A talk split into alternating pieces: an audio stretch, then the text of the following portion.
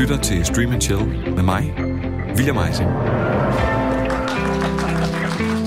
Jamen, øh, velkommen til Stream and Chill. Mit navn det er William Eising, og vi befinder os i Øst for Paradis i forbindelse med seriefestivalen This. Og vi har et rigtig, rigtig fedt show med til jer i dag. Ja, det skulle jeg simpelthen kigge i mit cue-card for at finde ud af. Øh, vi har øh, to forskellige serier med. Så er der også nogle anbefalinger, der er nogle spændende serienyheder. Og så har jeg et helt fantastisk panel, der består af en mand, der har skrevet adskillige kærlighedsbreve til David Lynch. Derudover så har han øh, skrevet øh, en del bøger om tv-serier, og han har holdt foredrag, og han har undervist. Og det er dig, Andreas Halskov. Hej William. Hej Andreas. Derudover så har jeg en ung manusforfatter med, som øh, bliver øh, trukket i af hele branchen, på trods af, at hun øh, lige knap er færdig. Hun elsker alt, hvad der har med kammerspil og eller rimer på det at gøre. Men så har du i virkeligheden også lidt en kulsort humor, for du kan jo også godt lide sådan noget som et Always Sunny in Philadelphia. Det er dig, Sofie Krog Grod. Ja, hej William. og jeg andre. Øhm, Så, så, ja, okay, så må jeg snakke igen. jeg, jeg, skulle, jeg havde lyst til at uddybe det med Sonny, men den kan vi tage senere. Det gør vi senere. Ja. Ja. Og for inden, der sidder der øh, en mand, der har, øh, skulle jeg sige, der er et omvandrende leksikon, hvad angår øh, popkultur, superhelte og sci-fi. Jeg har endnu, endnu til gode at få ham til at sige øh, noget godt om en film eller en serie, der bygger på en eller anden bog, han holder af. Øh, for eksempel sådan noget som at sige, den var god, den var 100% tro mod karakteren. Det er stadigvæk til gode. Men al den vrede, den får man kun ud af nørdernes konge, Kasper Manfred Andersen. Mange tak. Ja, Han har jo en Big Lebowski t-shirt på i dag. ja Den det har. Manfred. Og jeg vil lige sige, at øh, det er jo helt utroligt, når man sidder her, hvor undervældende det faktisk er at sidde foran øh, 10.000 mennesker. Ja, de er meget stille. De er helt ekstremt stille. Øh, men sådan er det. Prøv at. I dag der skal vi øh, tale om to serier, der har det til fælles, at de begge er centreret rundt omkring podcast. Hvor mærkeligt det så end lyder. Og jeg synes egentlig, hvis I er klar, så synes jeg bare, at vi skal kaste os ud i den første. Så her kommer traileren til Only Murders in the Building. This doesn't make sense. Where do we start? At the very beginning. I got in the elevator with these two weirdos. Then Tim got in the elevator. Approximately 12 minutes from now, I will be murdered. Tim Kono's death has been ruled a homicide, and apparently one of you jerk offs did it. I can't stop thinking about this. Neither can I. We should do our own true crime podcast. We're gonna go down there and look around for clues. You wanna come? Do I want to break into a dead guy's apartment and go through all his shit? Sounds like an afternoon. Right now, the only thing that matters is that there's a killer on the loose in our building. Oh, that is a very good line. Badly delivered, but a good line. I think we're onto something big here. And these are. Candid photos I took of our neighbors, Why are they all selfies? so I don't draw suspicion. So hot in here. Do we have to do this in a closet? The acoustics are better. And trust me, you need acoustics. Sådan der. Only Murders in the Building er mysteriet om Jim Coners pludselige død, som politiet de afskriver som værende et selvmord. Men det tror Oliver Putnam, der er spillet af Martin Short, ikke på. Han bor i den samme fine Upper West Side bygning, som Tim Konos han gjorde, og sammen med den, lad os kalde det, tvangspensionerede tv-skuespiller Charles Hayden Savage, spillet af Steve Martin, og den unge Mabel Mora, spillet af Selena Gomez, laver han en true crime podcast, der skal opklare det mystiske mor, der er begået i deres bygning. Only Murders in the Building kan ses på Disney Plus og består af 10 afsnit, og den er blevet modtaget så godt, så der endda er blevet bestilt en sæson 2. Serien den er skabt af Steve Martin og John Hoffman, og udover de tre skuespillere, jeg allerede har nævnt, så kan man blandt andre opleve Tina Fey, Nathan Lane, Amy Ryan og sidst men ikke mindst ham fra YouTube, nemlig Sting. Et murder mystery, som tager udgangspunkt i en true crime podcast. Manfred, kunne man forestille sig noget værre? Øh, nej, det tror jeg ikke. Jamen, så er vi jo godt i gang. Altså måske, hvis det var en forlystelse, ligesom øh, Disney også gør. Ja. Men er det, så lad mig spørge, er det en, øh, det, det virker utrolig kitschet, når man sidder og ser traileren her. Er det en god serie? Det synes jeg. Jeg var øh, meget underholdt, og jeg, jeg kunne lide humoren hele vejen igennem. Jeg tror faktisk, det var Tina Fey, der havde skrevet det, fordi der er sådan nogle ret bizarre elementer ind imellem øh, i sådan humoren. Men øh, det, er, det er Martin, øh, Steve Martin, der har skrevet den. Det er jo, det er jo bygget op om den her, skulle jeg sige, næsten comedy duo, Martin Short og Steve Martin, som jeg drillede Andreas med op til, som han har øh, blevet, øh, som har været med i hele hans opvækst. Fungerer det godt, at det er de to, der ligesom, øh, der ligesom skal bære den her serie afsted?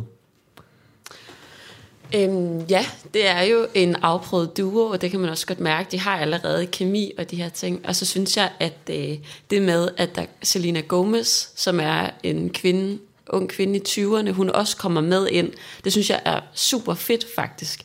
Jeg kan ret godt lide, at castet har så stort et aldersspænd, og bare fungerer på lige fod. Jeg synes ikke, der er sådan hierarki i karaktererne. Det synes jeg lige, vi skal vende tilbage til, fordi jeg har nogle virkelig frygtelige tanker Nå. om Selena Gomez. Øh, Andreas, fungerer mysteriet godt? Øh, jeg ser den slet ikke for mysteriet. Jeg ser den for, for den fantastiske øh, sådan, charme og humor, som Manfred er inde på før. Jeg synes, at det er fantastisk sjovt, når Selena Gomez tror, at øh, Sting var med i U2, eller i øvrigt, at det var ham, der lavede Sledgehammer. Men jeg synes også, det er sjovt, når den sådan spiller på for eksempel de her ældre mænds øh, forhold til det at tekste, eller øh, i det hele taget producere audiovisuelt indhold, som de selvfølgelig virkelig dårlige til. Ikke? Øh, hvad det? Jeg synes, øh, Steve Martin for mig, så ja, Martin Short er måske det, det store trækplaster på en eller anden måde, men Steve Martin, det er sådan, han stjæler showet virkelig for mig. Jeg, jeg er ret vild med hans humor. Jeg synes, der er mange klare forbindelseslinjer i netop det humoristiske til sådan noget som Kiss Kiss Bang Bang. Det ser man næsten allerede i titelsekvensen, den her animerede sag, men også sådan noget som Bowfinger, som, som Steve Martin jo selv var med i. Øh, så jeg, jeg ser den ikke for mysteriet, jeg ser den for det der sjove humoristiske metalag, der ligger i den. Mm. Jeg kommer til at tænke på en ting, da jeg så den her, fordi en del af det er, at de vil opklare det her mor her, de, øh, vil kaste, øh, de vil kaste ud i det her, fordi de alle sammen lytter til en true crime podcast, som opklarer mor. Og det er ligesom det, de, øh, de sidder alle sammen klar i første afsnit til at lytte til deres favorit episode hver, eller deres favorit true crime podcast hver for sig, for nu kommer der en ny episode. Og jeg kommer til at tænke på, bider den her måske ikke helt sådan på det danske publikum, fordi vi ikke har den slange, samme slags opklarende true crime i Danmark. Nej, det tror jeg ikke. Altså, det, er jo, det er jo populært. Vi har været af true crime rigtig populært, selvom det eneste, vi har hjemme, er nogen, der bare sidder og snakker om det, ikke hvor de opklarer det. Øh, så det er jo noget, der fylder meget både på streaming og masser af dokumentarserier og masser af andre slags podcasts, der handler om det her. Og folk lytter også til amerikanske podcasts i Danmark, ikke? Nå, og vi har sgu da også haft danske iterationer af genrerne. Så Scandinavian Star er jo lige kommet for eksempel, at der er en dansk true crime, baseret på dansk under, øh, sådan investigative journalism. Så der er der eksempler på det. Det er jo ikke kun serial og amerikanske ting som The Jinx og sådan noget. Nej, men jeg kommer bare til at tænke på, altså, når jeg har når jeg tænker på true crime, så tænker jeg jo netop på nogle af de her dokumentarer, der er kommet, og noget af det her murder porn, vi også har haft snakket om tidligere. Men jeg synes jo for eksempel, at lad mig sige, at, at altså, ulempen bliver lidt, at, at fordi at øh, på et tidspunkt var jeg på sådan en radiokursus, der hørte vi alt muligt, og der hørte jeg blandt andet true crime omkring en kvinde, der vil opspore, hvor et bæltespænde kom fra.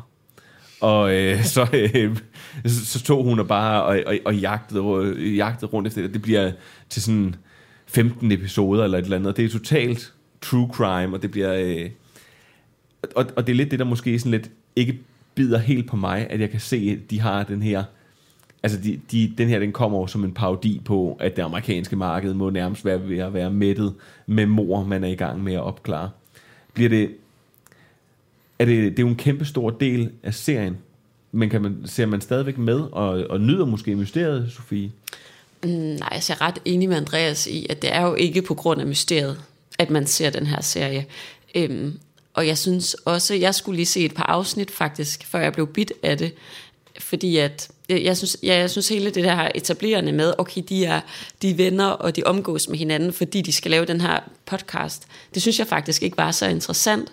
Men når man så kommer ind i serien, og sådan lærer karaktererne lidt at kende, så synes jeg, det bliver rigtig interessant. Fordi så begynder man at sådan holde lidt af dem, og især Martin Shorts karakter, han er jo virkelig fantastisk. Der. Han er sådan en, jeg vil ønske boede i min opgang også. Altså, han er virkelig, virkelig god. Du ville simpelthen ønske, at du boede, sammen, øh, boede i en opgang sammen med sådan en ekscentrisk, tidligere, nu lidt afdanket teaterproducer. Ja, det vil jeg elske.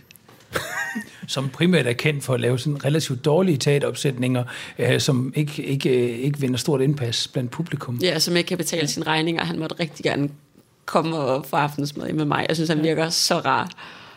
Manfred, du sagde til mig, at du faktisk øh, du havde ikke nået at se hele serien færdig. Du manglede et afsnit. Ja, så jeg ved og, ikke, om morderen er. Og du sad og havde en masse teorier omkring morderen, og hvem det var. Altså, det lyder jo lidt som om, du har set den for mysteriet. Jeg har ikke set det for mysteriet. Jeg synes bare, at det fungerer rigtig godt, øh, det mysterie, der ligesom er. Øh, og der er en masse twist og sådan noget, men det er, ikke, det er ikke essensen af serien. Essensen af serien er humoren og det, og det sjove og hyggelige. Så lad os prøve at snakke lidt om den, fordi vi, øh, jeg tror, vi alle sammen kan være enige om, at Steve Martin og Martin Short, de spiller simpelthen bold op og ned af hinanden, som om de har gjort det i uh, små 40-50 år. Hvilket de så tilfældigvis også ja. har gjort. Uh, så er der det tredje jul, som jeg vil vælge at kalde hende. Uh, en, uh, en afskyelig opfindelse, der er kommet direkte ud fra uh, Disney-hullet uh, i form af Selena Gomez, som jeg simpelthen ikke ved, hvad laver i den serie. Jeg synes, det er godt, der kommer et ung pust ind. Altså, ja, det er da ikke, ikke fordi bare, det ikke må være et ung pust. Okay, men... det er bare hende specifikt, du ikke kan lide. Nej, det er ikke, det er ikke noget med hun, spil, hun spiller bare ikke skuespil. Hun, er, hun er der bare. Så når, hun sådan en lad måde, hun leverer sine replikker på. Altså lidt til hendes forsvar, så tror jeg, det er karakteren, men jeg synes bare ikke, det fungerer. Hun er ikke spændende at se på, og, og blinder utrolig meget i forhold til de to Martins. Altså. Men, men deres, deres skuespilstil, den er jo også bare meget mere karikeret. Og sådan generelt synes jeg, der er et eller andet med, øhm, for eksempel ham, der spiller Tim Kono, som er dødsofferet. Mm. Han når ikke at have mange replikker, men dem han har, de er også dårlige. Altså, det er også bare fordi, at der det er så mange... Det de har brugt hele budgettet på Steve Martin og Martin Jamen, Fjord. skulle man lidt Nå, tro. er hun ikke tænkt som sådan en straight man af en art? Altså, hun, Jo, det er tænker vel, jeg også. Det er vel hende, som de andre skal være sjove op imod. Sådan altså, en skal der være. Altså, og så også siger, at, at meget af humoren er det der med og ung kontra, øh, kontra de gamle, det der med, at oh, vi kan ikke finde ud af, hvad, hvad er texting øh, kutumen, og hvordan skriver man til en ung person, og de kan ikke lide, at man ringer til dem og sådan noget. Ikke? Altså, og og der, der har de brug for det, at der er den her unge, yngre person at spille op af. Det kunne bare være være spillet bedre. Altså man kan godt spille en straight man lidt mere spændende, end hun gør det her. Nå, men det er jeg ikke uenig i, men øh, jamen, jeg, synes, jeg var ikke så fantastisk forfærdet over hende, må jeg sige.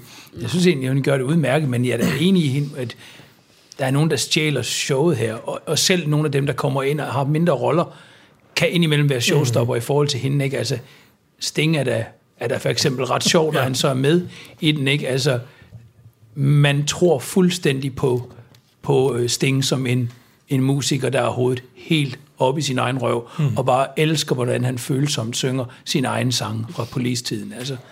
Jeg synes, det er, ret, det er ret vildt. Det viser måske sådan lidt omkring den her Disney-power. Nu er den er produceret af Hulu, men den er selvfølgelig endt på Disney+, Plus, fordi at Disney ejer Hulu.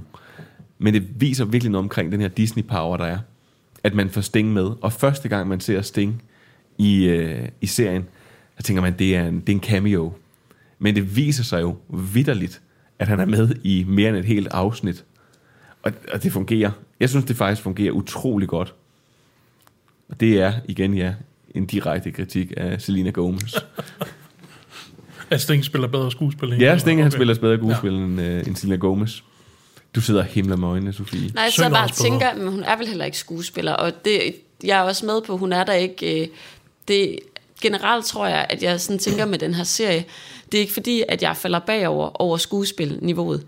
Altså, Martin Short og Steve Martins, øh, de har også en, de har bare en, den her meget karikerede spillestil, så det stikker ud, og så der er ikke nogen af dem, hvor jeg sådan tænker, at det her det er nok øh, altså en Oscar eller Emmy, der, er- der er på spil her. Altså overhovedet ikke, men det, det Du synes tænker jeg... simpelthen, at de vil, om de vil bryde Oscar-kategorien Ja. og sige, okay, ved du hvad, Be- Martin Short og Steve Martin. Ja, vi skal have nu serier ind i det her, Ja, den to her gamle hvide mænd, der får lov til Ja. at få. Øh, Steve Martin, han, er jo, han har været 50 hele sit liv. Jeg synes, det er ret fantastisk, at han var hvidhåret i 1970'erne, hvor han øh, lavede nogle af de jokes, der senere blev genbrugt af Monty Python. Og han er stadig hvidhåret ligner stadig en, der på en eller anden måde er 50 i ansigtet. Jeg elsker Steve Martin. er du sikker på, at du ikke forveksler ham med Leslie Nielsen? Nå ja, det gør jeg nok. Jamen, han er også hvidhåret. Nej, Andreas, for satan da. Nå, øh, det er jo, du ved, høj pistolføring og sådan noget. Jeg kender godt Leslie Ja, Nielsen, ja. ja. Bad Golf Made Easy og sådan Lige noget. præcis. Øh, prøv at høre, nu har vi fat Journey i to the Forbidden Planet. Men, Skal vi lige, men flere, Steve kom, Martins flere, har flere altid Leslie været Nielsen titler. Ja, ja. Øh, this man has a drinking problem. Og så kaster han sin drink bag over skulderen. Ja, okay. Den skulle måske have været set i stedet for fortalt. Øh, prøv at den har, udover dem vi ligesom har nævnt, der er jo nogle virkelig, virkelig fede skuespillere med. Jeg synes, at øh, Nathan Lane, som for, nogen kender måske fra Sex City og fra The Producers, er med, og Tina Fey. Og det kan godt være, at de er sådan nogle små cameos. Øh, altså, det er jo sådan nogle små biroller. Men de er virkelig, virkelig velbrugt. Jeg synes bare, det er et utrolig stærkt cast, der er til den her serie. At- Er jeg den eneste, der sådan virkelig nyder af, af, af sådan en som Nathan Lane og Tina Fey, når de bliver drysset sådan nænsomt ud over de her afsnit her? Jeg var glad for det. Det er jo også, altså, når man har, at, at setting er den her øh, apartment building, så er der jo masser af mulighed for at smide alle mulige sjove karakterer ind. For så er der lige en, en underlig nabo og en anden underlig nabo, og det er alle sammen er mistænkte og sådan noget. Jeg synes, det fungerer rigtig, rigtig godt. Ja, jeg kunne jo rigtig godt lide Tina Fey's karakter. Jeg synes også, at bare, altså, hun, er, hun er humoristisk selv, hvis hun bare skal lave sådan en slags voice-over-stemme eller sådan noget. Mm. Ja, jeg, jeg synes, hun er, hun er ret fin deri. Øhm, til sidst, så synes jeg, vi skal tage, øh, fordi det her det er en udpræget komedieserie, men som vi har set med mange andre serier, så er det jo, at man indimellem går, øh, ligesom tager et afsnit og flår ud af, og laver sådan lidt en, man kan måske, i gamle dage ville man kalde det en bottle episode, men hvor man måske gør noget mere kunstnerisk med det. Jeg har øh, haft snakket om for eksempel sådan noget som Bojack Horseman, hvor man havde en hel, et helt afsnit, der skulle foregå i den her undervandsverden, hvor der overhovedet ikke bliver talt. Og øh, det har man jo faktisk også i den her serie. Manfred, jeg ved, du stussede meget over. Du vil lige prøve at fortælle. Jo, der, der er et afsnit, hvor øh, der ikke bliver sagt en eneste line of dialogue. Det er alt sammen stille eller med sådan lidt lydbillede, fordi man følger en døv person. Øh, og det fungerede faktisk rigtig godt, og den overraskede mig lidt. Jeg synes så også, at tonemæssigt, så falder det her afsnit lidt ved siden af, og ikke lige så sjovt som, de andre, som de andre. Det bliver meget seriøst. Man handler om den her døve fyrs traumer med hans far og sådan noget. Og det synes jeg ikke passede helt ind i resten af serien, selvom afsnittet selv var skide godt. Jeg synes, det blev, altså det var sådan et, ja, som du siger, hvert afsnit følger man lidt en ny person til at starte med. Men det, der så lidt var med det her afsnit, som jeg ikke synes fungerede, det er, i starten følger man ham her, den døve, men til sidst, så bliver det jo faktisk nogle scener, han ikke er med i, hvor de ikke taler til hinanden, hvor de sidder sådan og laver fakta, hvor man er sådan, her havde I jo sagt noget. Altså der synes jeg ikke, det fungerede. Det ved jeg ikke, om I tænkte over, hvor man er sådan, lige nu der øh, laver du bare en, en sådan en pegefinger, i stedet for så at sige stop, hvor det synes jeg blev vildt karikeret, hvor man var sådan, nu burde de begynde at tale igen, for nu er vi ikke inde i den døve mands hoved. Det kan jeg godt følge dig i, fordi de har netop, altså de, de, får, de får gjort det meget sådan, så at når vi følger den døve, så er der helt stille. Mm. Men når man... Øh, men når man følger, for eksempel hvis, hvis han lige drejer om hjørnet, og der så kommer nogle andre, og der kommer en elevator, så hører man det der ding fra elevatoren for Ja. eksempel. Men, men det er jo bare det, og så lige før de skal til at sige noget, så lukker døren måske. På den Jamen, måde- der er, men der er ja. sådan noget spil mellem dem stadig, ja. hvor de bare bruger fakta, hvor man er sådan... Ja, det bliver- synes jeg, det bliver i- det bliver i mega slutningen træls. af afsnittet, ja. ja. fordi det er sådan, I er alle sammen nogle super chatty karakterer. I ville aldrig bare lige være sådan, øh, bruge fakta til hinanden. Jeg ved ikke, jeg tror jo, det hele er ment som parodi på en bottle episode. Og Når du nævner før, at øh, du nævner Bojack Horseman som eksempel på, på bottle episode, så er det jo det kan jeg godt forstå, hvad du mener, men det er jo selvfølgelig ikke en traditionel bottle episode, fordi det er jo ikke produktionelle hensyn, at man har lavet det. Altså det er jo ikke ligesom Fly i Breaking Bad, hvor øh, de har været nødt til at spare penge, og derfor så kunne det kun skydes i, et, i en location med nogle få spillere. Øh, det er jo en traditionel bottle episode, så her er det ligesom sådan et metalag, ligesom alle andre metalag i hele serien.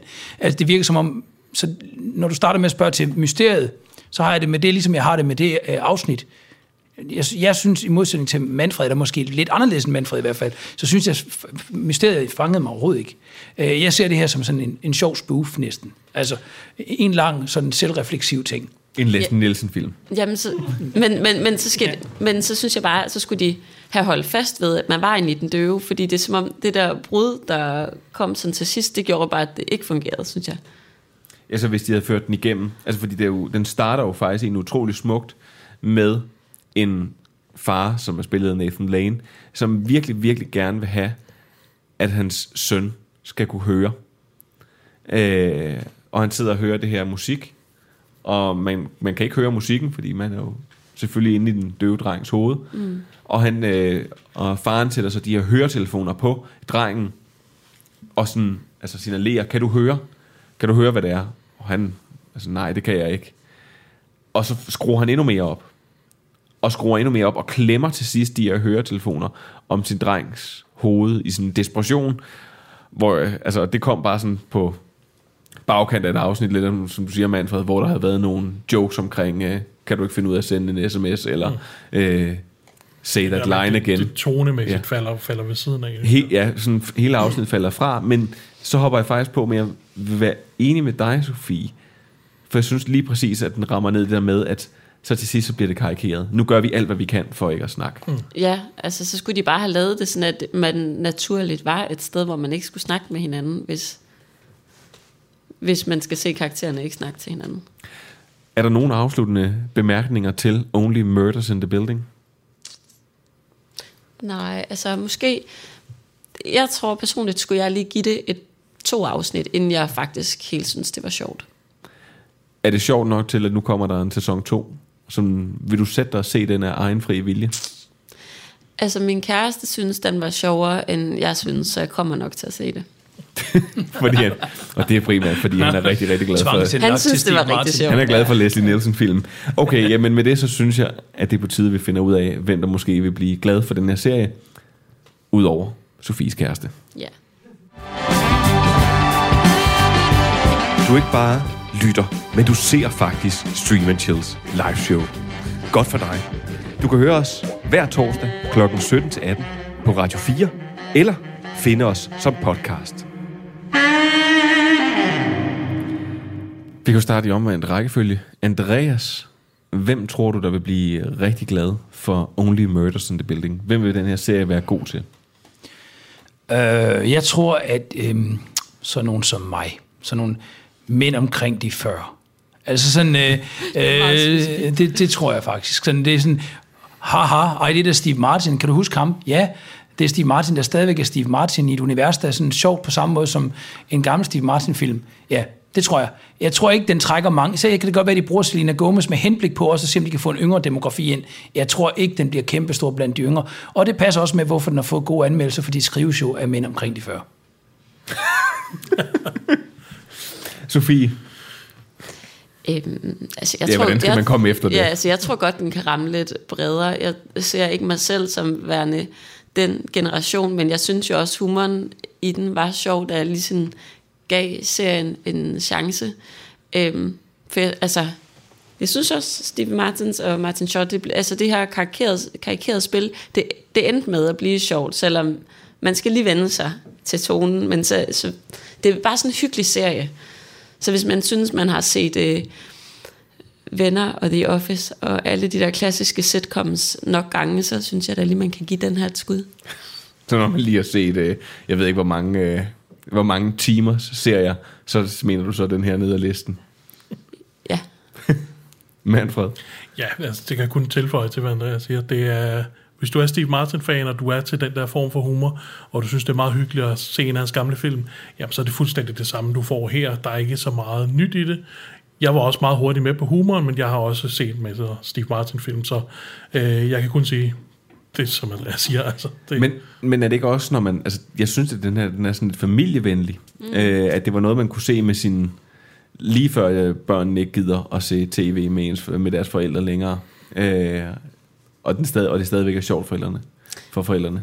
Jo, det er jeg faktisk enig med dig i. Også det der med, at der er et krimiplot, men det er ikke uhyggeligt. Altså sådan,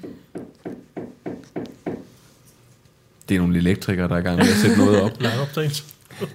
Men øh, ja, du var ved at sige, Sofie.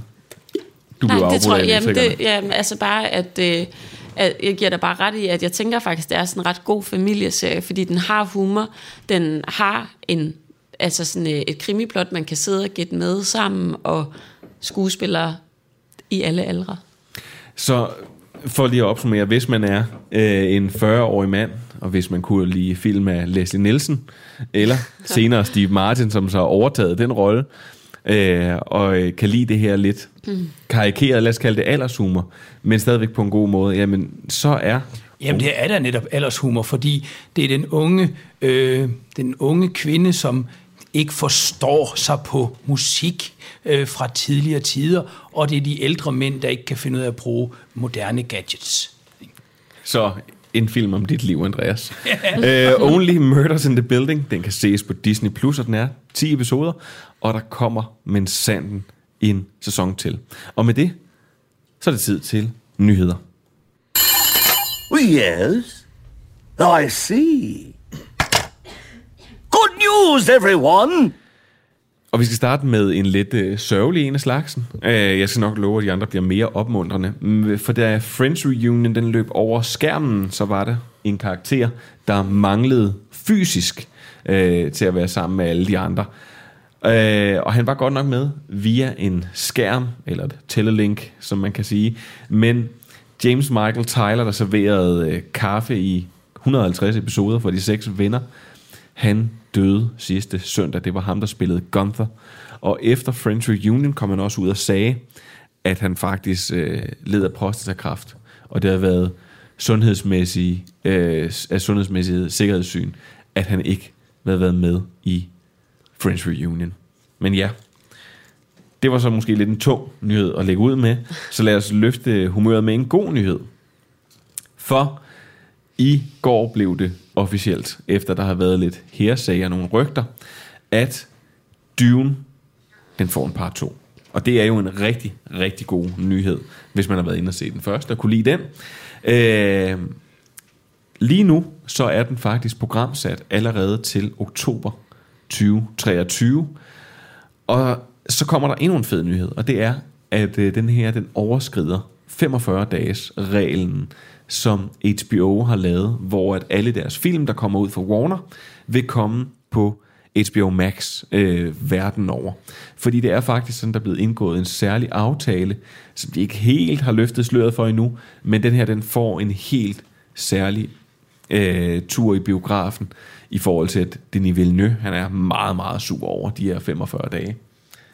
Det er jo godt for en biografelsker som dig, Andreas. Ja, jamen, jeg glæder mig da selvfølgelig til at se den. Men du svæver selvfølgelig stadigvæk til David Lynch's Dune.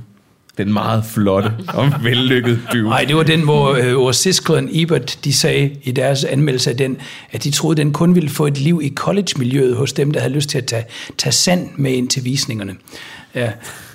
Det, den er sgu ikke god, David Lynch's version. Nej. øh, og så øh, som en sidste ting, jamen, så vender Hayden Christensen tilbage til Star Wars-universet i den kommende Ahsoka spin-off. Og hvis man er helt blank på, hvem det er, så var det Hayden Christensen, der var manden, der spillede Anakin Skywalker i episode 2 og 3. Og øh, som hvis billedet er blevet brugt til at skabe karakteren Anakin Skywalker i animationsserien Clone Wars, hvor Ahsoka spiller en stor rolle og blevet en fanfavorit. Og nu så skal vi til måske den største nyhed af alle, fordi i går der åbnede HBO Max op i Danmark.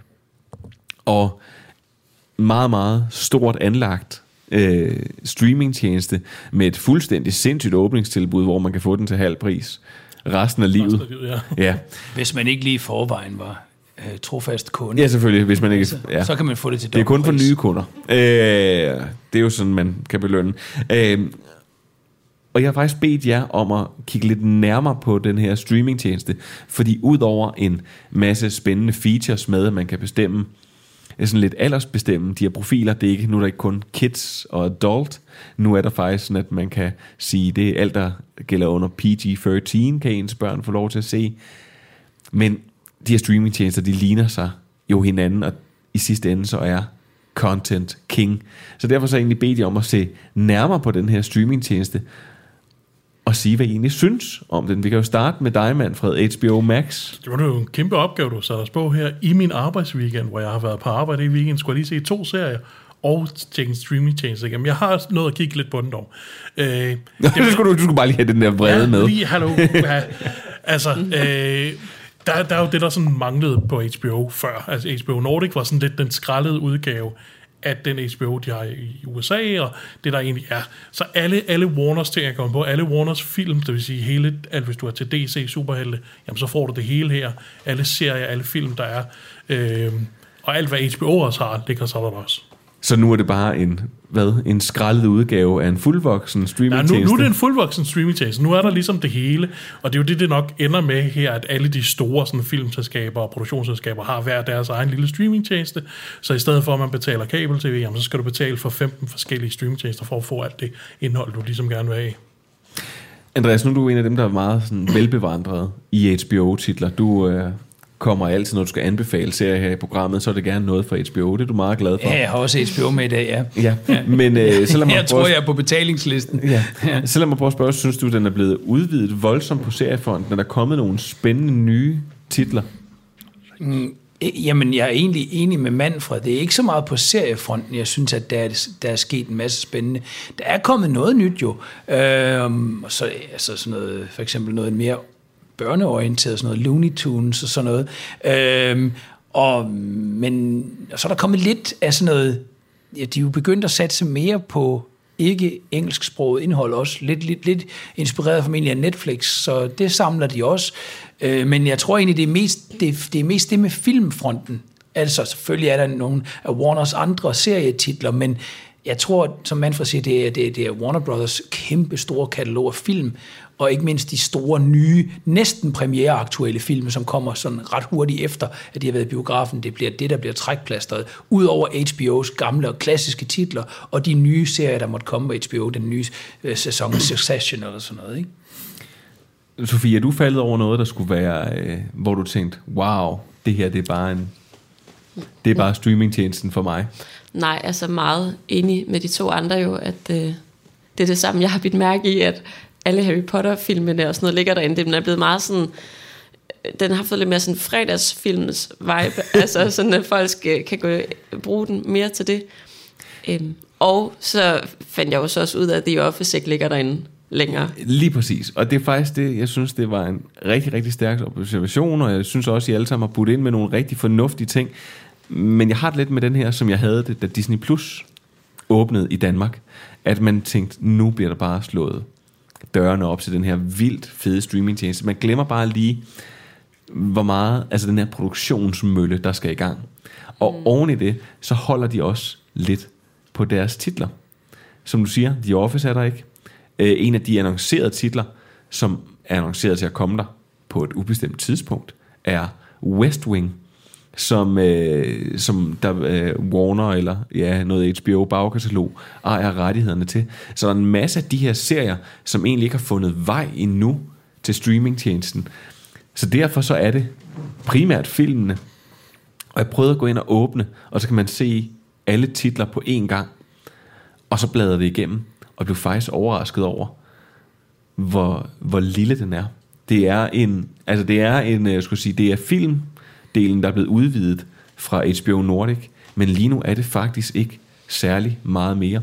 Så udover det er en flot og velfungerende streamingtjeneste, som man kan håbe på ikke går ned hver gang der kommer et nyt afsnit af Game of Thrones, øh, ligesom HBO Nordic gjorde. Og så kan jeg faktisk også se på flere streaming sites, at folk er meget imponeret over kvaliteten, at nu er det rent faktisk i 4K, der bliver sendt. Men en af de eller de to store premiere-titler, der skulle ligge derinde, det er altså The Suicide Squad, som er James Gunns nye film. der for nylig har været i biografen, og så ved jeg, Manfred, noget, du bliver rigtig glad for. Young Sheldon, som er en udvidelse til et, et univers, du elsker fra Big Bang Theory. Nej. Jamen, øh, det er jo et, øh, et, et rigtig, rigtig dejligt sted, og så øh, slut for nyhederne. Og så egentlig bevæge os videre til den næste titel, vi har med, nemlig Seymours Dr. Death. Good morning, I'm Dr. Christopher Dunch. Today we're going to be operating on Rose Keller. Patient presented with severe back pain diagnosed as a herniated disc. It is important we are in and out with as little fanfare as possible. So, mouth shut, ears open. Let's begin. Hey, doctor. I heard you came across some of Christopher Dunch's surgeries. Sir, there's a lot of bleeding. Focus on your job. How is the patient? Perfect. There's a hemorrhage here, you need to fix it. So there were no complications? I don't have complications. I can't make sense of this. It's like he knew what he was supposed to do. Then he did the exact opposite. I could have told you the guy was a hack. What did he do? Dorothy Burke walked in all on her own and now she's brain dead. Today we will be minimally invasive. He turned him into a quadriplegic. Work ethic was second to none. Well, Ted Bundy was a good worker, too. We all make mistakes. But not you. No man. Dunch has two deaths. Texas has executed people for less. All due respect, Dr. Kirby, you don't understand the law. You don't understand who we're after. Dunch is never gonna stop on his own. Ja, Dr. Death er desværre en sand historie. Serien den er baseret på den meget grundige true crime podcast af samme navn. Og i Dr. Death, der møder vi den meget ambitiøse neurokirurg Christopher Dunch, spillet af Joshua Jackson. Men ambitionerne overstiger umiddelbart evnerne, for enhver patient, som kommer under Christopher Dunns kniv, efterlades enten med voldsomme men, eller endnu værre, døde.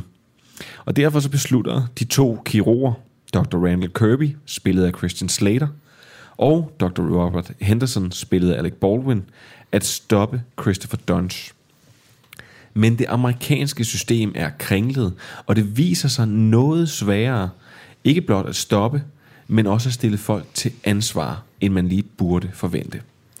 Patrick McManus har skabt serien, og for uden triven, så kan man opleve Dominic Burgess, Grace Gummer, Anne-Sophia Robb og Kelsey Grimmer på blandt skuespillerne. Dr. Death kan ses på Seymour. Endnu en øh, serie, der omhandler et, øh, en podcast, man skulle næsten tro, at det var øh, skulle jeg sige, et tema, jeg havde valgt. Andreas, hvad er dine umiddelbare tanker omkring Dr. Death? Øh, jeg, jeg kunne faktisk meget godt lide den. Øh, nu har jeg altid været på Team Pacey, vil jeg sige. Så jo, jeg, har altid godt kunne lide Joshua Jackson. Going back to Mighty Ducks. Ikke? Hvad hedder det? Øh, Og jeg synes, at han stjæler, stjæler fuldstændig den her serie. Han er virkelig stærk i den. Øh, jeg har Selv det de lidt sidste mere... Selv i de sidste afsnit, hvor de putter det der tykmands makeup på ham. Ja. Selv der fungerer han Ja, godt. der får han godt spillet igennem makeup. Fantastisk døde øjne og sådan noget. Jamen, jeg synes, han er, han er ret god deri. Lidt mere irriteret er jeg over Alec Baldwin, og jeg ved godt, i disse dage må man måske næsten ikke sige noget kritisk om ham, men hold op, hvor er det irriterende at høre ham næsten halvviske i alle indstillinger.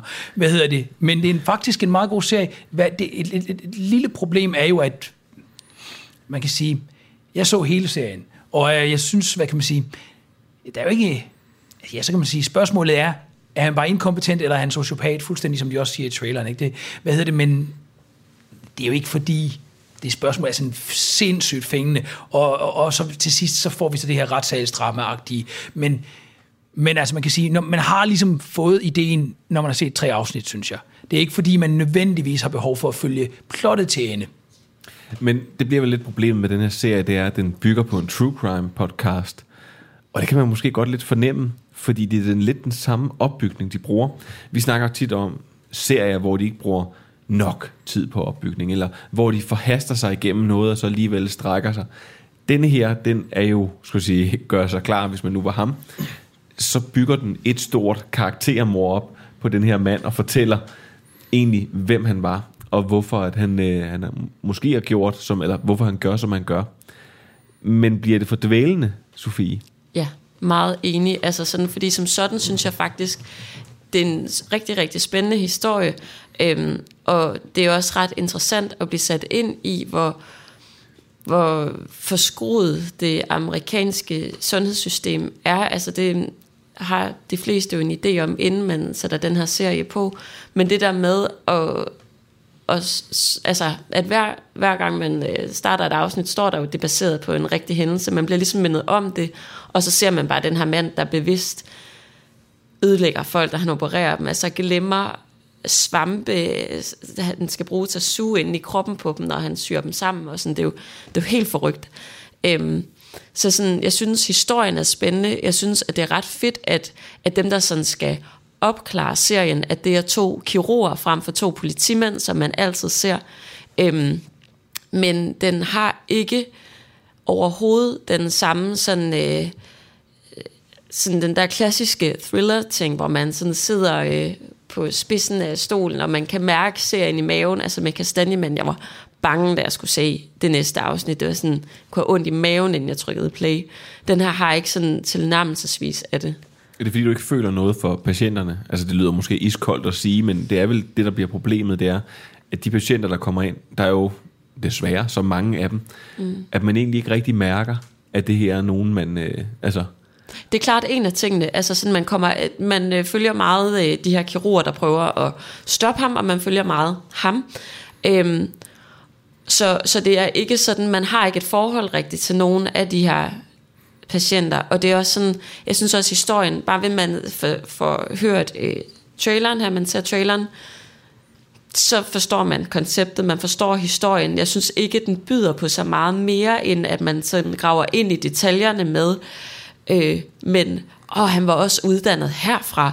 Nå okay, han er også meget passioneret, når han gør andre ting. Hold da, og, altså det bliver bare meget sådan det samme. Der er ikke rigtig nogen cliffhanger eller spændingskurver.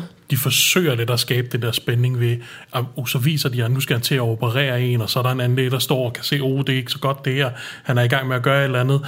Men så gør han det bare alligevel, og så er spændingen ligesom gået på longen, fordi man ved, man har gjort tingene, det er meget, meget af action og meget af, af opklaring, som at de kommer ind bagefter, han ligesom har maltrakteret de her folks øh, ryg. Men er, det, men er det fordi, man vælger at fortælle historien, sådan at man, det gør man jo her i serien, man hopper frem og tilbage i tid. Øh, det, det benytter den hele tiden mm. i de her afsnit her, at man, så skal vi tilbage i tiden, skal vi se noget fra hans unge formative år, hvor han ikke slår igennem som fodboldspiller, og han bliver ved med at insistere på, at han vejer 10 kilo mere, end de vejer ham ind til, fordi det gjorde han altså på vægten derhjemme. Han kan ikke forstå de her football plays, som de skal igennem. Han kan ikke, øh, altså han kan godt, han kan godt forstå tingene og huske tingene, men han kan ikke udføre dem i virkeligheden. Nu er det, om det var Andreas eller Sofie, der sagde, at det, man, man har ligesom fattet det efter tre afsnit. Så, så har du forstået, okay, han er be, simpelthen så arrogant og så selvsikker, at han måske ikke selv kan se, mm at hans evner ikke rækker så langt. Og det har man ligesom set, men så får man det fortalt igen og igen og igen og igen i alle otte afsnit, eller hvor mange der nu er.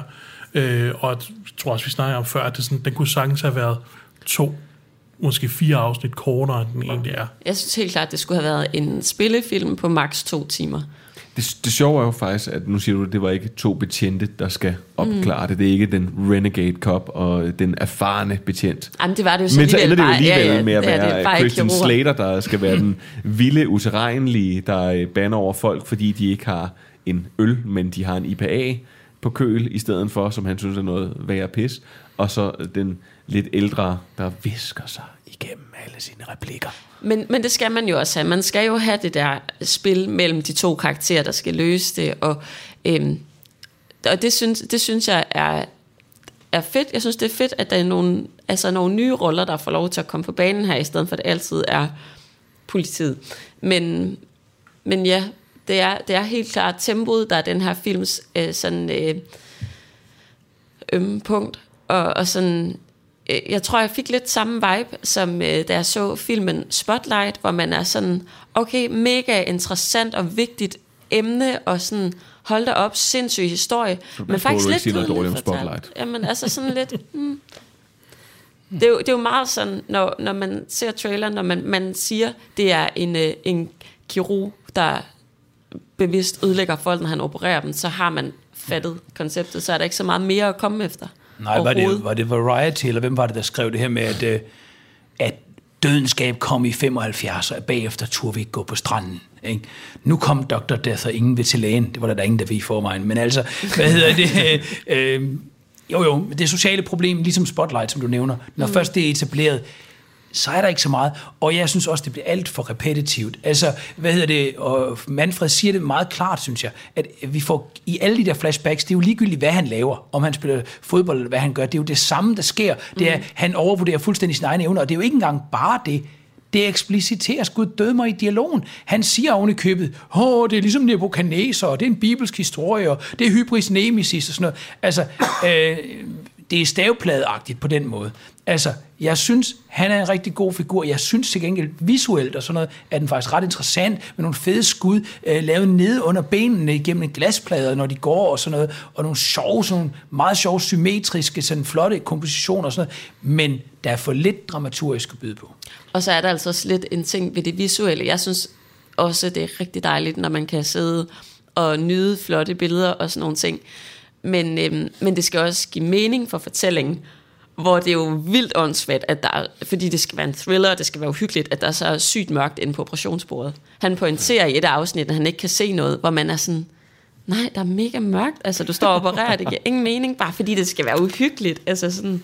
Ja, sådan et operationsrum der, det er virkelig, virkelig oplyst, kan jeg Jamen, og det kan man jo også godt spille på, uhyggeligt, at det bliver sådan det der helt sterile, og, men, men det er det ikke, de har bare sådan, altså der er jo mørkere end den her biografsal, vi sidder i lige nu, det giver ikke så meget mening.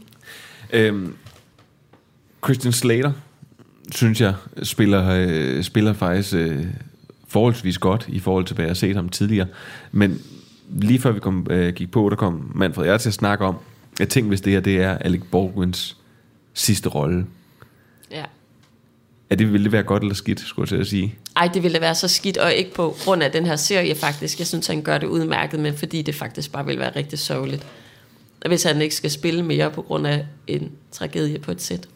Jeg synes faktisk, det var ret skørt at skulle se den her, når, det, det var jo sådan lige oven hinanden, at han kommer ud fra den her rekvisit. Ja, til dem, der, til dem, der ikke ved det, så øh, på sættet er Rust, en øh, western thriller, eller ja, western, jeg prøver lige at sige igen, en western film, der er affyret øh, Alec Baldwin en prop gun, som så simpelthen, der var for meget krudt i og gik af. Og Manfred, du sagde faktisk, at hende, der havde ladt den, det var hendes første gang nogensinde. Ja, en, øh, en kvinde, som har, øh, hendes far har åbenbart været armorer på film før, og det var derfor, hun fik jobbet her, men det var hendes allerførste sæt, hun nogensinde har arbejdet på. Øh, så der er et eller andet, der er gået helt galt der. Der har også været nogle, noget drama omkring, der var nogen, der udvandrede fra sættet, fordi de ikke mente, at sikkerhedsforholdene var i orden.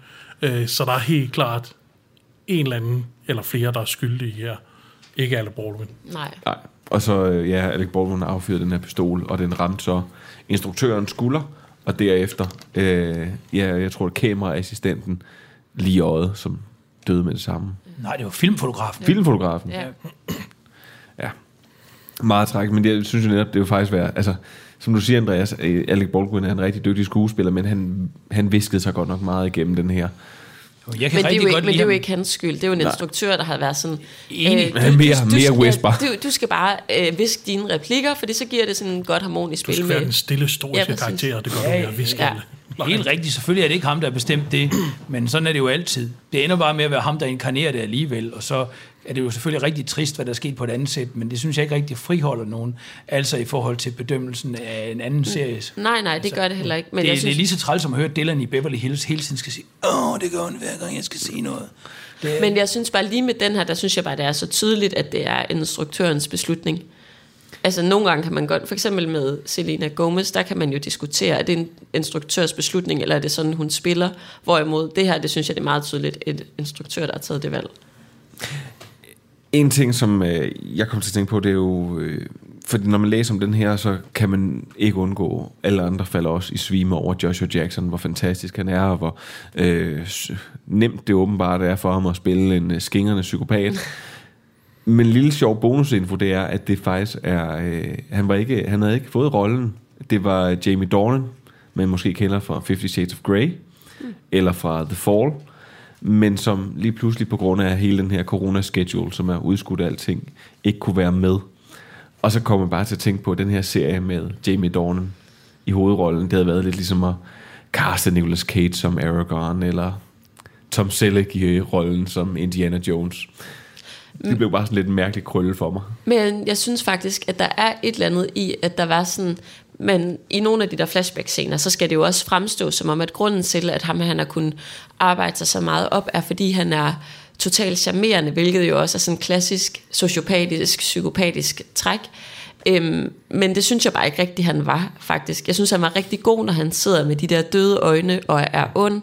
Men jeg synes, øh, jeg synes faktisk ikke, at jeg købte hans charme. Jeg blev ikke sådan på nogensinde, nogensinde selv i tvivl om sådan, ej okay, der er jo også lidt godt i ham. Han spillede jo en ond, der spiller charmerende, og det var også tydeligt at se, Det synes bliver jeg. helt klart mere i talesat, end det bliver vist. Det er sådan, oh, han var så, vi kunne lide ham lige med det samme. Så sådan, ja, okay, jeg sagde nogle ting, og så kunne de lide ham, men det er sådan, det, er, det, det, bliver, det bliver talt, det bliver ikke vist. Nej, det er det, helt der, klart. der, der synes jeg, at der skulle de have boostet charmen op, så man kunne tænke, okay, det kan jeg faktisk godt forstå. Det var meget pålideligt. Altså sådan, han, der, der, han har også nogle øh, små psykopatiske træk, når han spiller charmerende.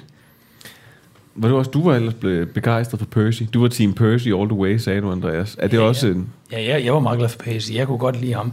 Og jeg synes også, han var charmerende i The Affair, altså. Så, du synes, så det er det, jeg prøver at spørge dig om, det er, om du synes, at det er rigtigt, at han ikke var charmerende nok?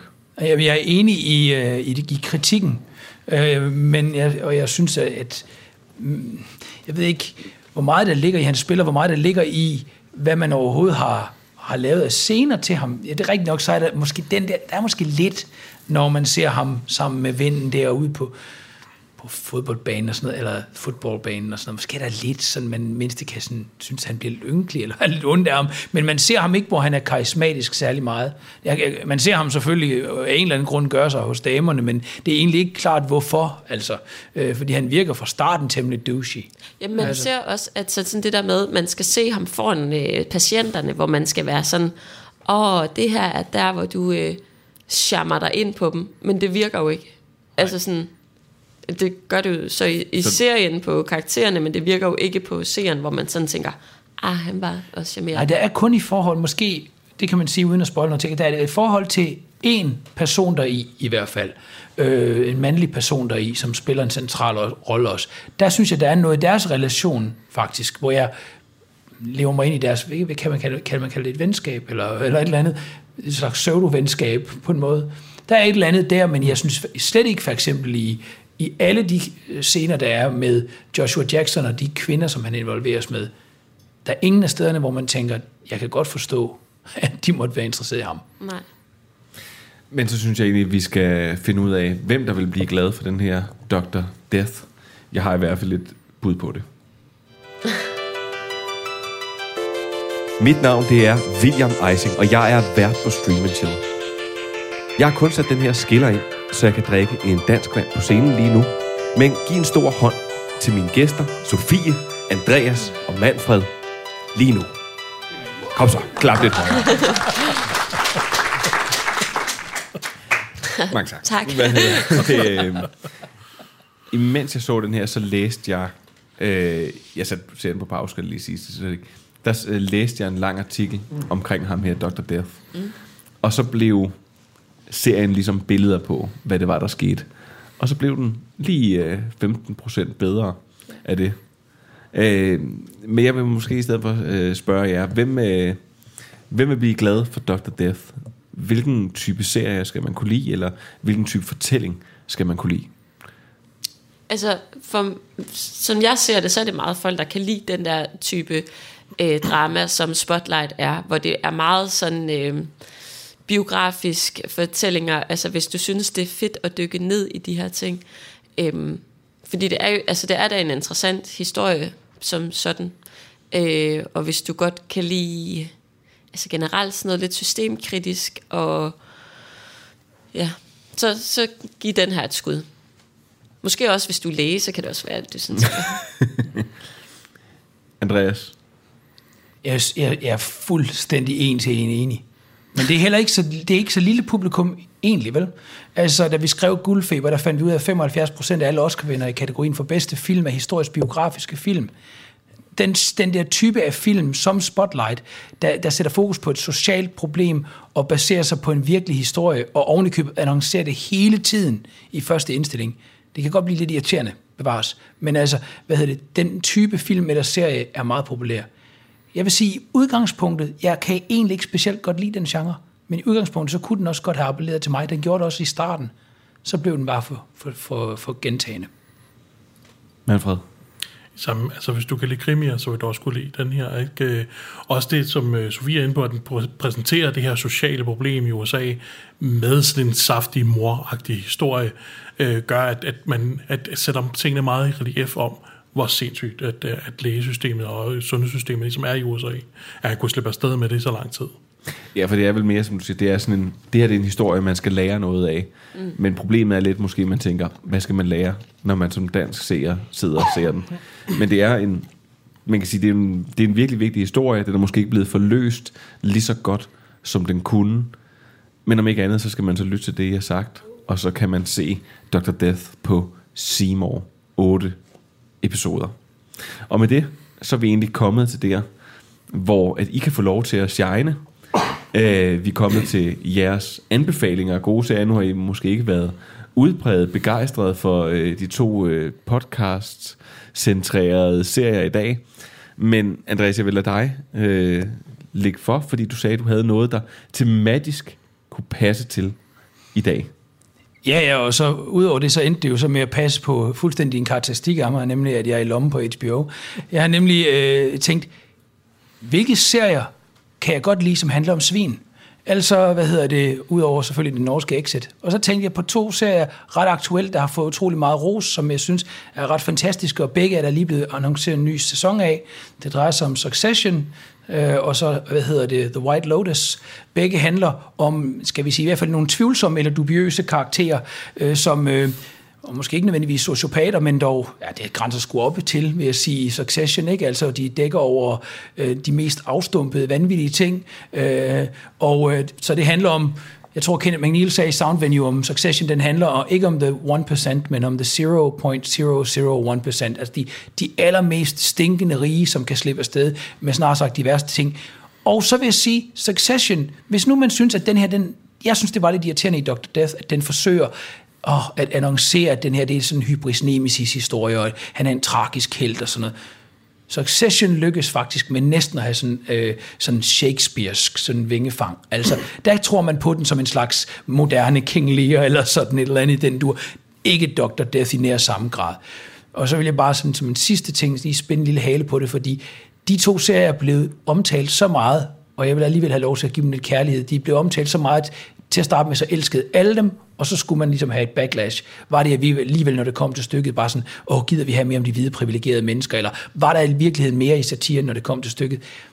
En ting, der aldrig er blevet talt om overhovedet, når det kommer til Succession og øh, The White Lotus, det er selve den audiovisuelle stil, og det synes jeg simpelthen, det vil jeg lige øh, slå et slag for. Så hvis nu man synes, The White Lotus er for let købt i sin satire over, øh, over hvide rige mennesker, der tager på ferieparadis i Hawaii, så lyt til den fantastiske komposition, den komponerede musik af Cristobal Tapia de Vera. Lyt til den måde, hvorpå han bruger små stønnelyde, organiske instrumenter, sådan, sådan den der klaustrofobiske øh, måde, hvorpå kameraet hele tiden er for tæt på karaktererne, øh, og den sådan meget klaustrofobiske bruger den varme farvetone, som fungerer meget bedre end den der blå, irriterende farvetone, og det mørke lys, som vi har i Dr. Death.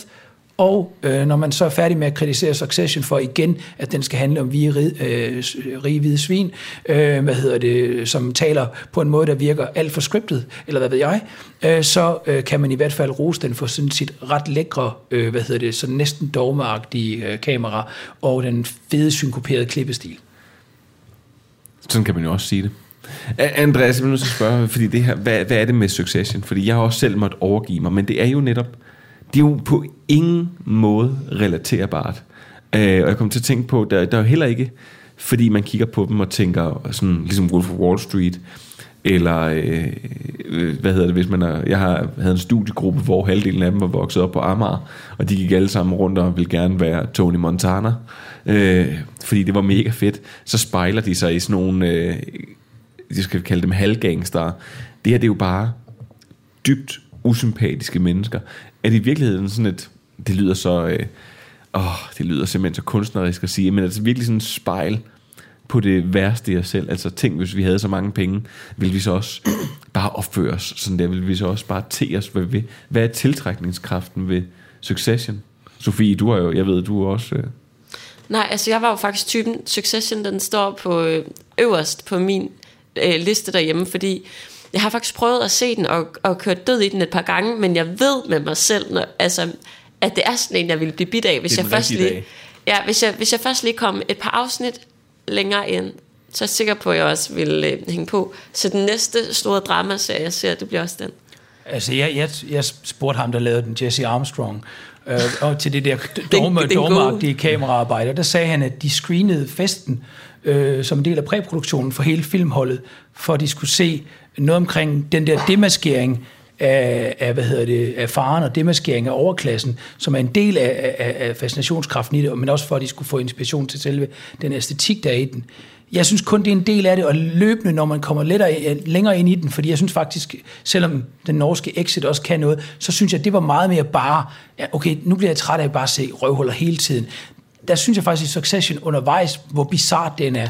Hvis man følger med og hopper med på toget, så kommer man mærkeligt nok til alligevel ej, det ved jeg ikke. Det kan godt være, det er, fordi jeg er også er sociopat måske. Men så kommer man til at se sig selv lidt i nogle af karaktererne. Altså, jeg synes for eksempel, over det der med at angle efter sin fars accept, det kan man sgu da forstå. Det er da til at forstå. Det er da en menneskelig ting. Mm. Øh, hvad hedder det? Man kan godt få ondt af nogle af karaktererne, selvom de alle sammen handler åndssvagt. Altså, øh, fordi de alle sammen kæmper jo bare for fars gunst. Altså. Men det er jo også nogle gange bare fedt at komme ind og så se et univers, der bare er dødlangt fra ens eget, altså sådan ens egen hverdag. Ja, det er... Man kan sige, hvis, hvis det er det, man vil, så er Succession og White Lotus, der ligger på øh, HBO Max nu, som du så er i lommen på, Andreas. Det er faktisk sjovt. Det er de. øh, Ja. e- Efter, eller det du lige sagde med, øhm, med musikken til White Lotus. Øh, efter jeg var inde, vi har jo snakket om den tidligere i Stream and Chill, øh, så læste jeg faktisk, at musikken skulle være brugt på Kanye Wests nye album, men så har der været nogle uoverensstemmelser, der gjorde, at, at han ikke ville have det med, og så er det så havnet derover. Jeg ved ikke, om det er rigtigt. Jeg Jeg, læste jeg kan artiklen. simpelthen ikke tro, at Kanye West kan have ravet sig uklar med nogen. Det er simpelthen ikke personen Nej, det har du nok ret i. Det. altså, kan du ikke lige forklare, hvad mener du med det? Altså, skulle, skulle Christobal have... have Altså musikken, der er soundtracket til White Lotus, skulle have været på Kanye's nye album. Oh, han, er en, han er en ret spøjs person, ham der lavede den. Ham der er sådan en Ja, chilener. Kanye West, han er meget spøjs, ja. Kanye, han er virkelig også spændende, ja, men ham chileneren, han er sgu alligevel federe. Uh, han, uh, hvad hedder det, jeg, jeg synes, hvad hedder det, uh, Har han to diagnoser så, eller og laver sko også? minimum, tror jeg. Han fortalte, at, at nogle af de fedeste ting i musikken, det er uheld. For eksempel de der stønnelyd, det er fordi, han skulle puste i sådan nogle meget store træfløjter, og det krævede, at han skulle ånde luft ind hele tiden. Så det er derfor, man hele tiden får den der...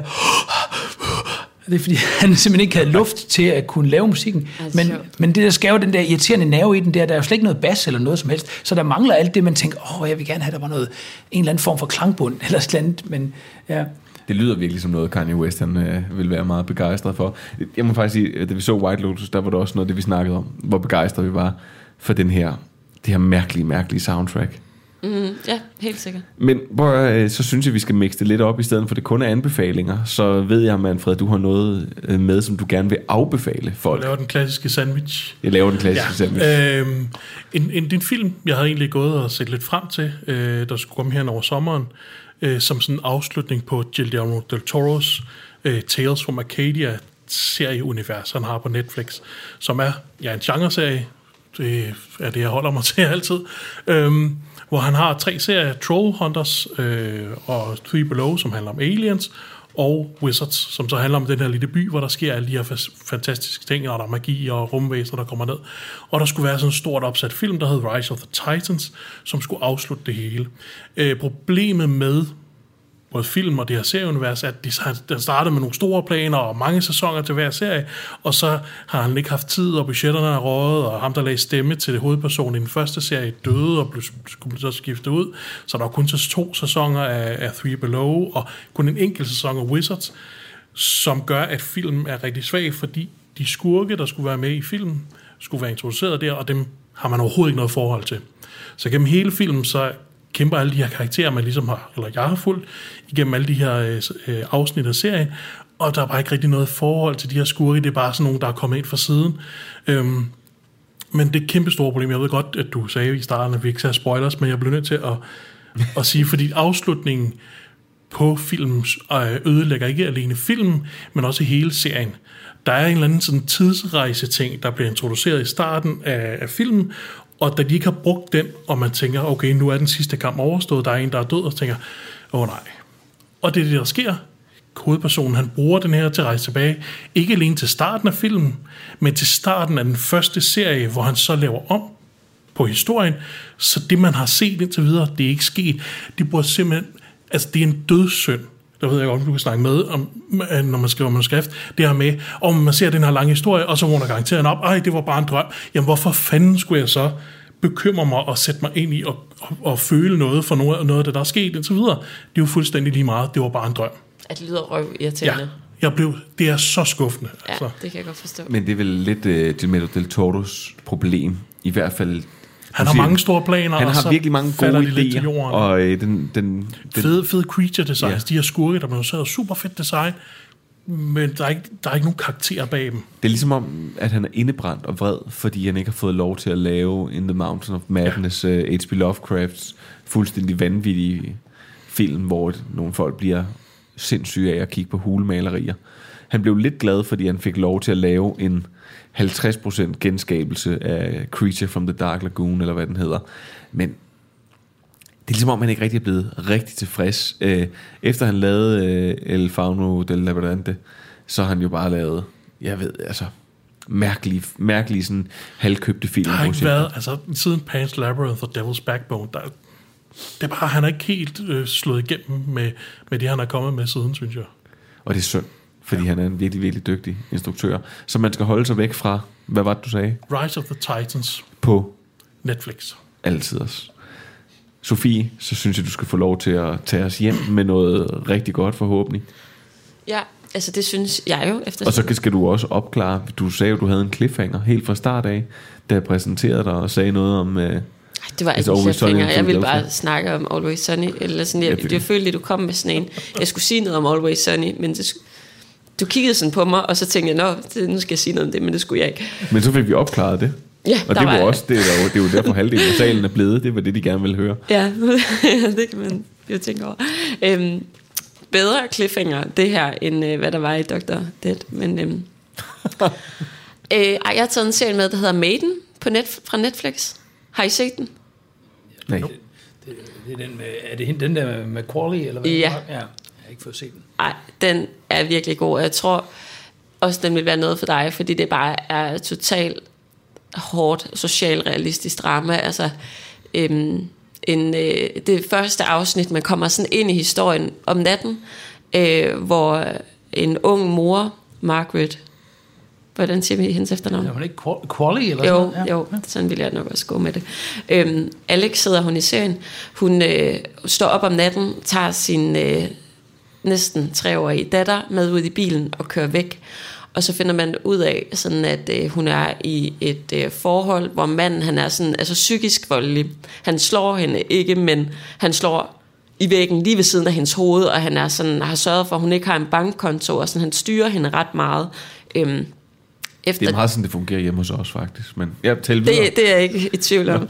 Nej, men, øh, men, men sådan, altså, han kører sådan et ret uhyggeligt spil, øhm, men, og hun stikker af med det her barn, og hun har bare sådan ikke rigtig nogen relationer, fordi deres venner er fælles, så hun prøver at køre hjem til nogen, men, men der er han også på vej hen, fordi han ved godt, at hun kører derhjem, og hendes mor er logo, og alt er bare træls. Og hun står også i sådan en situation, hvor systemet også er ret fucked, fordi øhm, hun... Øh, hun kan ikke få et job, fordi hun kan jo ikke tage hendes barn med på job. Og hun kan ikke få hendes barn i sin daycare, før hun har et job, så hun kan betale for daycare. Så hun er bare fanget i sådan et ondt loop.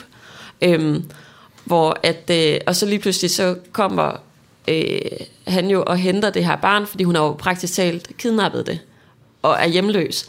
Så det bliver sådan en, en kamp for sådan at få det her barn tilbage, og hvordan det er for den her kvinde og sådan overhovedet skulle få et liv op at køre, når man har været udsat for det her sådan psykiske terroriserende forhold. Jeg har grædt til alle afsnit, jeg har set indtil videre. Også, altså sådan, jeg har grædt meget, hvor man, og, men det er også, jeg har selv en datter i cirka samme alder. Jeg kan bare ikke forestille mig noget værre, end hvis nogen skulle komme og tage hende fra mig.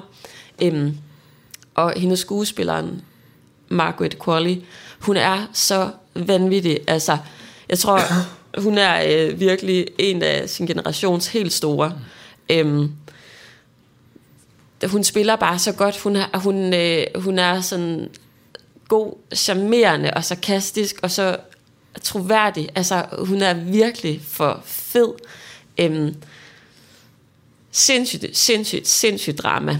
Men mit problem er jo lige snart, du fortæller om det her. Altså, jeg får jo...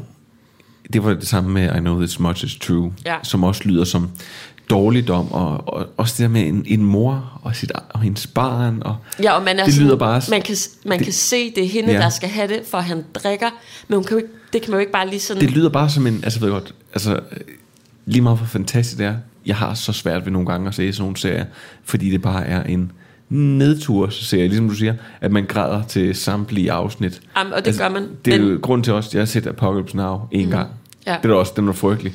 Frygtelig, frygtelig, frygtelig, og man bliver bare i dårlig humør. Men samtidig så er det, altså det er bare, jeg synes det er så smuk en fortælling, fordi karaktererne de er så troværdige, øhm, og de bor i sådan en øh, trailerpark i Washington, øhm, hvor det bare sådan, altså det er bare, det er et ret interessant miljø, og igen også lidt ligesom i Dr. Dead, hvor man sidder og bliver ret forarvet over et system, så gør man det virkelig også i, i den her serie, altså det er så crazy, og man sidder og tænker, hold kæft, hvor er man bare heldig at bo i Danmark, altså hvor, hvor der er sådan et, et system, der har en hånd under en i forhold til alle de her ting. Øhm, men jeg synes virkelig, at det er en sej serie, og så er den også, øhm, selvom at den er sådan helt vanvittig hård, så er der også nogle små sekvenser, altså sådan, øh, hvor der sker sådan søde små ting, eller også nogle små sjove ting, fordi hun er også, altså hun er faktisk en ret sjov skuespiller. Så prøver hun at oprette en dating-app, hvor hun sidder og swiper igennem, hvor det, sådan, det er egentlig ret komisk lavet med, sådan de mænd, hun ser, de står foran hende. Altså sådan, der er sådan nogle små elementer af humor i den, selvom alt er nederen. Men er det ikke bare for sådan ligesom at dreje kniven, når det så bliver forfærdeligt? Jo, jo, og det er sådan, når hun får en, en win, man er også sådan, "Øj." altså, den føler man også. Det er, sådan, det er jo dejligt forstærkende med mm. det hele, at det nederen bliver mere nederen, fordi vi også lige når at komme op og tænke sådan, yes, nu spiller det. Ja, men jeg er helt sikker på, at jeg vil tude til den også. Jeg, Ja. jeg faktisk havde tænkt på, at jeg skulle se den, og, Ja. og øh, jeg ved ikke, hvad hun... Jeg kender hende ikke fra andet end The Leftovers før det, men hvor hun spiller Jill der i hans datter. Og der er hun nemlig også sådan sjov og spidende, når hun for eksempel roser hans meatloaf. This is fucking spectacular, eller sådan noget. Ja, ja. ja men hun er også med i, øh, hvad hedder den, øh, Once Upon a Time in Hollywood. Åh, oh, jeez, ja, det er hun Ja, ja. men, men faktisk, det før, første gang, jeg fik øjnene op for hende, det var faktisk i en øh, Kenzo-reklame, som Spike Lee har lavet, hvor hun bare er vanvittig. Det er sådan en reklame øh, for en Det parfume. lyder fuldstændig vanvittigt. En Kenzo-reklame, som Spike lige har lavet. Ja. ja, det. Ja, øh, ja, ja, ja. jamen, jamen, så jeg bliver i tvivl. Ja, Spike Jones. er det Spike ikke? Jones, Ja. vil jeg Spike Jones. sige. Spike Jones. Øhm, Stadigvæk lige så vanvittigt. Nej, nej, det giver mere mening på en måde, når man ser den. I hvert fald, øhm, det er sådan en reklame, hun sidder inde i en, øh, sådan en, en festsal, der er et eller andet awardshow, og hun sidder og har en, en eller anden maske på, og så går hun ud derfra, og så starter hun bare sådan på, sådan det her så vildt smukke teater, sådan næsten øh, slotteagtigt, der fyrer hun bare rundt på gangene og laver sådan noget moderne dans, og hun har bare den vanvittigste mimik, hvor altså, hun er sådan fuldstændig øh, bjergtagende i den her reklame. Så du vil faktisk også godt anbefale uh, Ja, Kenzo-reklamen. faktisk, ja. Altså, det er faktisk en helt sindssyg reklame. Så vil jeg gerne anbefale... Uh, Generelt Spike, Spike Jones-reklamer, ja, det er jo... øh, Så vil jeg gerne anbefale Wes Andersons uh, reklame med, uh, for H&M. Julereklame med uh, Adrian Brody. Den kan man også finde på YouTube. Den er, den er ok i forhold til den her. Altså, den er, den, Den er ok i forhold okay. Ja, ja. Jamen prøv at høre, Maiden bliver Maid- en Maid anden... den bare. Maid Ja. fra Netflix. Ja. Og uh, sammen med den kan man se White Lotus og Succession. Og en ting til med den her, det er faktisk... Det er En til reklame. for den samme serie. Øhm, det er ret sjovt, fordi hendes rigtige mor også spiller hendes mor deri. Øh, sådan, hendes mor er sådan en rigtig øh, 90'er skuespiller. Hende, der er øh, den smukke dame i Fire Bryllupper og en Begravelse. Ja, Andy McDowell, ikke? Præcis. Ja. Og hun spiller også moren der i det, er altså også meget sjovt. At se Og dem det, jeg sammen. vidste ikke, det var hendes mor før, øh, at så var der en eller anden, der skrev det. og så- Og man kan bare virkelig godt se det. Ja. Altså, øh, ja. Jamen, du skal jo ikke stoppe midt i en sætning. Ikke på grund af min bekostning. Var det, ikke- var det ikke slutningen af Det kan godt være, det var slutningen af Andreas sætningen. kan se det, moren, og Det er det er fedt. Det er, Det er sjovt, flot. at, jamen, det er faktisk nice, at de så spiller sammen. Det kan noget. Jamen, det er altid, jeg bliver også altid glad, når det er, så man ser Ben Stiller og Jerry Stiller i, øh, i den samme film. Ja. Prøv, det var det for den her gang. Manfred, Sofie og Andreas, tusind tak, fordi I vil være med, og tusind tak til alle dem, der mødte op. Ja, I må gerne klappe, hvis øh, I har det i. Og så øh, tusind tak til Lars Lydmand, der har øh, sat det her program sammen. Og nu er der ikke andet for give de sidste ord til Jean-Luc Picard. You know, back when I was in the academy, we would follow every toast with a song.